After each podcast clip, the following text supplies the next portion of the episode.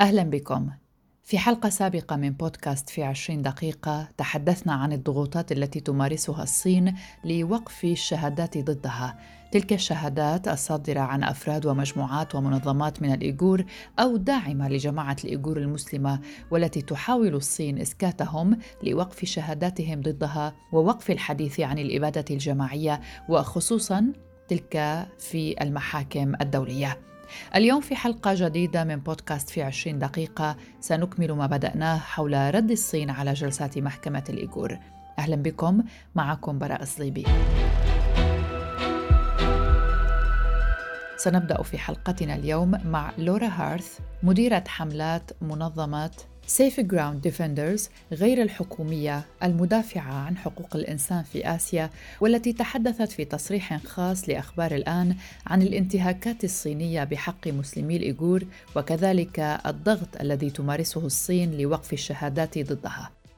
So China, as you said, has been exerting a lot of pressure to stop people from talking about what appears to be a genocide going on in Xinjiang, uh, crimes against humanity, as many parliaments around the world and governments have been denouncing. تقول لورا الصين تضغط كثيرا لوقف الناس عن الحديث عن الإبادة الجماعية في شينجيانغ.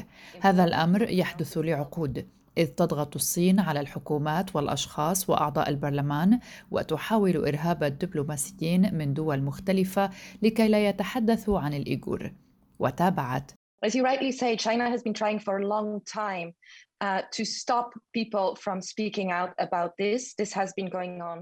الصينيون يمارسون ضغوطا اقتصادية ورأينا عقوبات على أعضاء برلمانيين وكيانات من دول مختلفة لأنهم يتحدثون حول شينجيانغ والإبادة الجماعية والانتهاكات ضد حقوق الإنسان هناك. On countries who, who make statements about this. We have seen the sanctions against members of parliaments and entities in various countries uh, because they have been talking about Xinjiang and denouncing the ongoing genocide and crimes against humanity. But maybe most تقول لكن أكثر شيء مؤلم هو محاولة إسكات وإرهاب وتعذيب الشهود من نساء الإيغور لأنهن يتحدثن حول الجرائم التي تحدث في شينجيانغ. هؤلاء الناس شجعان للغاية لأنه تم تهديدهم إما بشكل مباشر أو غير مباشر عبر عائلاتهم وأحبابهم. Talking. And what we have seen also are the increasing efforts made by Beijing to slander these people. And I think one of the most hurtful things as a woman, I have to say, is the kind of insults and allegations used against female witnesses أحد أكثر الأشياء المؤلمة لي كامرأة هي الادعاءات والإهانات التي تستخدم ضد النساء اللواتي يشهدن ادعاءات جنسية لا علاقة لها أو مكان في محكمة عامة أو في مكان عام. الدولة بحاجة للتكاتف معا خاصة الديمقراطية. يجب أن نتكاتف للدفاع عن مشاكل الإيغور والشعب الصيني لأننا يجب أن نتذكر البطش الذي يتبعه الحزب الشيوعي الصيني لأي شخص ينتقد النظام. The repression by the Chinese Communist Party in China uh, regards every person who is critical of the regime. Um,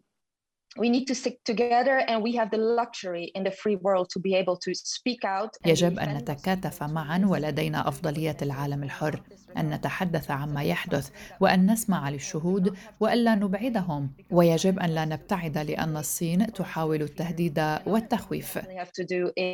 make sure there are protective measures in place for those people that are exiled from China living in our countries to make sure they are safe from these Um, تقول أيضا يجب أن نتأكد من وجود تدابير وقائية لمن يعيشون في بلادنا من الإيغور في المنفى من الصين لنتأكد من أنهم بأمان من ضغط الصين وعملائها المتخفين الذين يتم إرسالهم لدول أخرى لمضايقة الناس للتأكد من عودتهم إلى الصين والذين ربما يختفون أو يحاكمون لذا يجب أن نتأكد من وجود آلية للحماية في مثل هذه الحالات ونحن بحاجة للاستماع إليهم. تقول كمجتمع دولي لدينا التزام خاصة إدانة الإبادة الجماعية وأن ندين مثل هذا الأمر ونوقف مثل هذه الانتهاكات.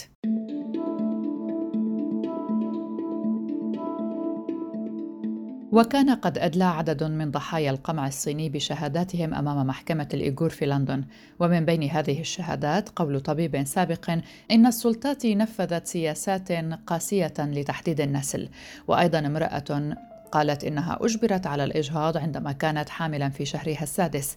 وبالإضافة إلى ذلك ادعى معتقل سابق أنه تعرض للتعذيب كل يوم من قبل الجنود الصينيين أثناء سجنه. وللتذكير بمحكمة الإيغور في لندن تم الحديث عنها في حلقة سابقة كما ذكرنا في 20 دقيقة حيث استمعت لجنة تحقيق في أوضاع أقلية الإيغور في الصين إلى إفادات الشهود في الرابع من يونيو حزيران الذين تحدثوا عن عمليات تعذيب واغتصاب جماعي. بينما وصفت بكين الجلسة بأنها مجرد حملة لتشويه سمعتها وكانت تلك الجلسة التي عقدها محلفو محكمة الإيغور التسعة في المملكة المتحدة وبينهم محامون وخبراء في مجال حقوق الإنسان هي الأولى من بين جلستين ستفضيان إلى نشر تقرير في ديسمبر كانون الأول يحدد إن كانت الصين قد ارتكبت إبادة فعلا. وكانت قد فرضت عدة دول غربية عقوبات جماعية على الصين بسبب احتجازها أكثر من مليون مسلم في معسكر الاعتقال في شينجيانغ كما ادعى خبراء الأمم المتحدة بمن فيهم الاتحاد الأوروبي والمملكة المتحدة والولايات المتحدة وكندا. ليست حرب الصين على الإيغور فقط بتحديد النسل والإبادة الممنهجة، وإنما أيضا هناك حرب اقتصادية تمارسها وتدعى هذه الحرب القوى الاقتصادية للصين ضد الإيغور. فقد أشار تقرير نشرته صحيفة الجارديان البريطانية إلى أن الصين تستخدم نفوذها الاقتصادي بمناطق في آسيا والشرق الأوسط لاستهداف مسلمي الإيغور الذين يعيشون خارج أراضيها ملخصا ذلك بنظام مترامي الأطراف من القمع العابر للحدود. ولفت التقرير إلى أن في الوقت الذي يعتقد أن أكثر من مليون إيغوري احتجزوا في شبكة من معسكرات الاعتقال في السنوات الأخيرة. زادت أيضا جهود بكين في السيطرة على الإيغور الذين يعيشون في الخارج. وقام الباحثون في جمعية أوكسوس لشؤون آسيا الوسطى ومشروع الإيغور لحقوق الإنسان بمراجعة أكثر من 1500 حالة احتجاز وترحيل استنادا إلى قاعدة البيانات حول استهداف بكين للإيغور في الخارج منذ عام 1997 ووجد الباحثون أن هناك عمليات تواطؤ مع الصين حدثت في 28 دولة على الأقل أغلبها في الشرق الأوسط وشمال إفريقيا وجنوب آسيا. وحمل التقرير الذي نشر في يونيو حزيران الماضي عنوان No Space Left to Run داعيا الدول الغربية لاستقبال المزيد من اللاجئين الإيغور كما يركز على ضبط عمليات تصدير التكنولوجيا المراقبة إلى الخارج. ويشدد التقرير على أن وقف هذا القمع العابر للحدود هو واجب أخلاقي. وأضاف بأن السكوت عن استهداف حكومة الصين لأقلية الإيغور في الخارج والإفلات من العقاب يقوض مصداقية الدول في الحماية من هم داخل حدودها بما في ذلك مواطنيها. يذكر أن ما يقدر بنحو مليون إلى مليون وستمائة ألف من الإيغور يعيشون خارج الصين وذلك وفقا لمؤتمر الإيغور العالمي مع وجود أكبر عدد منهم في آسيا الوسطى وفي تركيا. ومع ذلك تكشف قاعدة البيانات الجديدة عن حجم استهداف بكين لهم، حيث تلعب الدول المضيفة دورا في عدة ممارسات بما في ذلك المضايقة والمراقبة والإحتجاز والتسليم، ومنذ عام 2017 تم احتجاز أو ترحيل ما لا يقل عن 695 من الإيغور إلى الصين من 15 دولة. ونفت الصين باستمرار جميع الانتهاكات بارتكاب مخالفات في شينجيانغ وتقول إن المعسكرات هي للتثقيف ومصممة لتقديم دروس في اللغة الصينية والدعم الوظيفي بالإضافة إلى مكافحة التطرف الديني.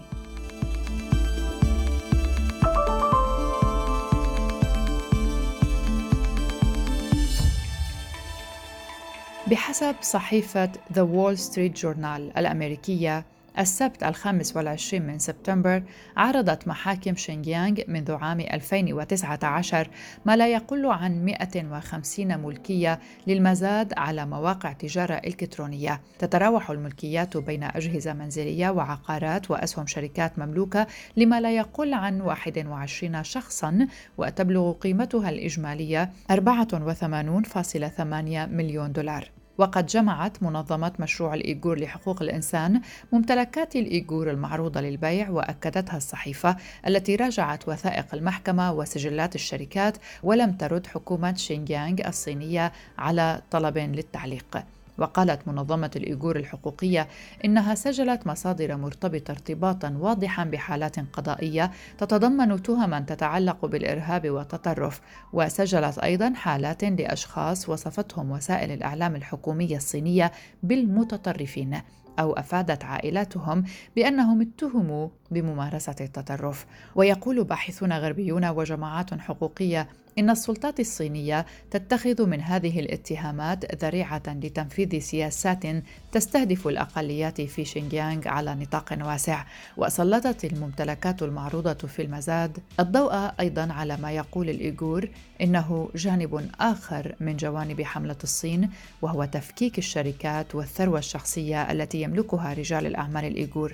وكان من بين الممتلكات المعروضة للبيع في المزاد عقار مكون من أربعة طوابق في غرب مدينة كاشغر بالقرب من أهم معلم في المدينة وهو مسجد عيد غا الذي يبلغ عمره حوالي 600 عام. وكان المبنى مملوكا لمصدر إيغوري ثري يدعى عبد الجليل هليل. بيع العقار بالمزاد العلني على موقع التجارة العالمي الإلكتروني علي بابا Group Holding Ltd ولم ترد شركة علي بابا على طلبات التعليق أيضاً.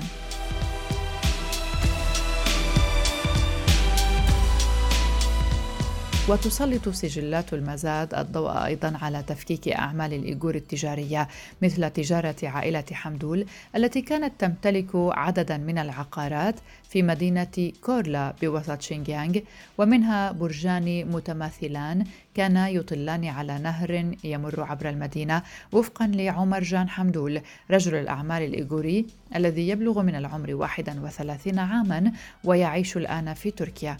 وكان شقيق حمدول روزي وميمت يشرفان على ثروة العائلة حتى اعتقالهما عام 2017 وقال حمدول إنه لم يسمع أي خبر منهما بعدها.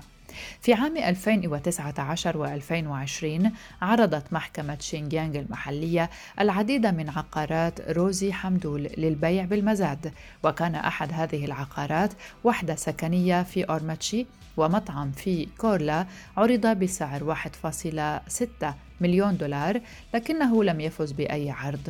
وكانت واجهة المطعم مزينة بزخارف وثريات الإيغور التقليدية وفقا للصور المدرجة في عرضه بالمزاد.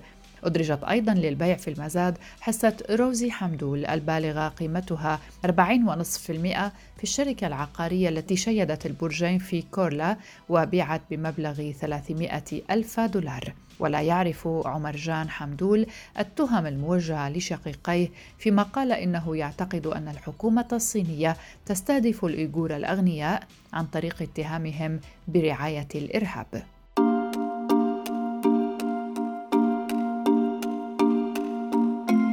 ولا تقتصر مخاوف الإيغور من الصين في الصين عبر مساحتها الجغرافية المترامية بل يخاف الإيغوريون أيضا أينما كانوا من رعب الترحيل. هذا ما قالته الناشطة الإيغورية روشان عباس لأخبار الآن وقالت إن عائلات الإيغور تعيش في أفغانستان على سبيل المثال في رعب جراء الخوف من الترحيل إلى الصين ولا ينبغي لطالبان أن تعتقد حقا أن الصين يمكن أن تكون شريكا يمكن الوثوق به في أي شيء سوى مصلحتهم الخاصة.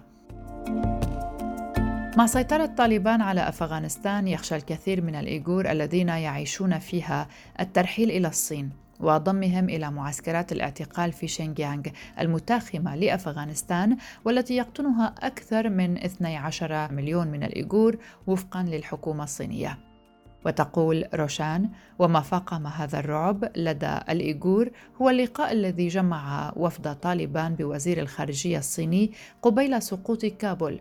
ففي ذلك اللقاء طلبت الصين تعاون طالبان في محاربة حركة تركستان الشرقية الإسلامية في أفغانستان. وقد أكدت طالبان أنها لن تسمح أبدا لأي قوة باستخدام الأراضي الأفغانية لارتكاب أعمال تضر بالصين.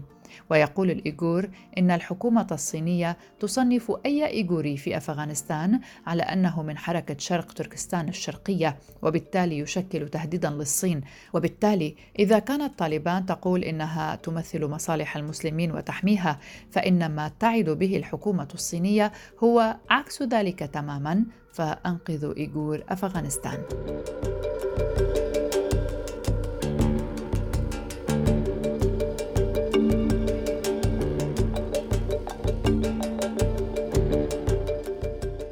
مسؤولة ملف الصين في منظمة حقوق الإنسان صوفي ريتشاردسون تحدثت عن إيغور أفغانستان ومخاوفهم في تصريح لها مع أخبار الآن وقالت It is only a few thousand people, some who came many years ago, some who came from China more recently. تقول ريتشاردسون إن مجتمع الإيغور ليس كبيرا في أفغانستان على حد علمنا فعددهم لا يتجاوز بضعة آلاف بعضهم أتى منذ بضعة سنين والبعض الآخر قدم من الصين حديثا.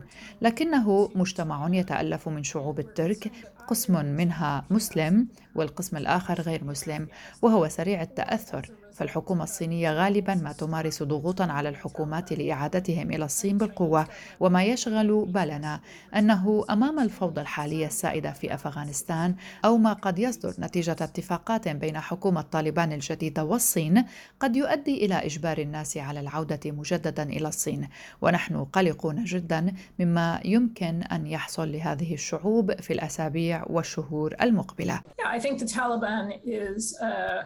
desperately in need of money. China is a clear source of that, and what China will want in return is. تقول أيضا ريتشاردسون: أعتقد أن طالبان بحاجة ماسة إلى المال والصين مصدر مهم لذلك، وما تريده الصين في المقابل هو التعاون المطلق في الوضع الأمني الذي تعتبره شائكا والذي نراه نحن إمعانا في ارتكاب الجرائم الإنسانية ضد الإيغور. Well, I think under Taliban control, uh, Uyghurs could face all of the same تتابع ريتشاردسون حديثها لأخبار الآن. أعتقد أنه في ظل حكم طالبان الإيغور سيواجهون نوع الاضطهاد نفسه والذي سيواجهه أي أفغاني بما في ذلك الاضطهاد من عدم ممارسة شعائر الدين الإسلامي كما تراه طالبان ولأنهم أقليات غير محترمة حقوقهم فنحن نتوقع أن لا يسمح لهم باللجوء بموجب القانون الدولي. وقد قلقنا جدا عندما علمنا أن الحكومة الصينية عقدت اتفاقا مع حكومة طالبان ينص على عدم منح الإيغور مساحة للتعبير عن رأيهم. فالحكومة الصينية تصر على اعتبار الإيغور إرهابيين وإنهم يحاولون إثارة البلبلة في شينجيانغ ولذلك ينص الاتفاق الأخير بين بكين وطالبان على أن طالبان لن تسمح لأي أحد يعيش على الأراضي الأفغانية أن يشارك بأي خطط أو أعمال قد تتسبب بأي اضطرابات أو أذى في شينجيانغ لكن الحقيقة هي أن الحكومة الصينية تعتبر أن مجرد كون الإيغور إيغورا يتحدثون لغتهم ويمارسون طقوسهم ويتبعون تقاليدهم فهم إرهابيون وعرضة للاضطهاد. ولذا نحن قلقون من أن تعامل طالبان الإيغور مثلما نتوقع أن تعاملهم الصين فيما لو كانوا على الأراضي الصينية. The Taliban will do to the Uyghurs what China would do to them if they were within Chinese territory. Well, presumably, uh, uh, Chinese authorities could request that Uyghurs be detained indefinitely تقول ريتشاردسون من المحتمل أن تطلب السلطات الصينية احتجاز الإيغور إلى أجل غير مسمى في أفغانستان أو أن يتم إرسالهم إلى بلد آخر يكون موافقا على إعادة الإيغور مجددا إلى الصين. يمكنني تخيل بعض السيناريوهات المختلفة. من المهم أن تمتثل أفغانستان للقانون الدولي فيما يخص هذه المواضيع لكن أيضا على الحكومات أن تحترم هذه الحقوق والقلق مما يحصل في مناطق الإيغور. أن تتدخل فعلا ولا تكتفي بالحديث فقط عن أهمية احترام القانون الدولي لكن يجب أن تقدم المساعدة أيضا.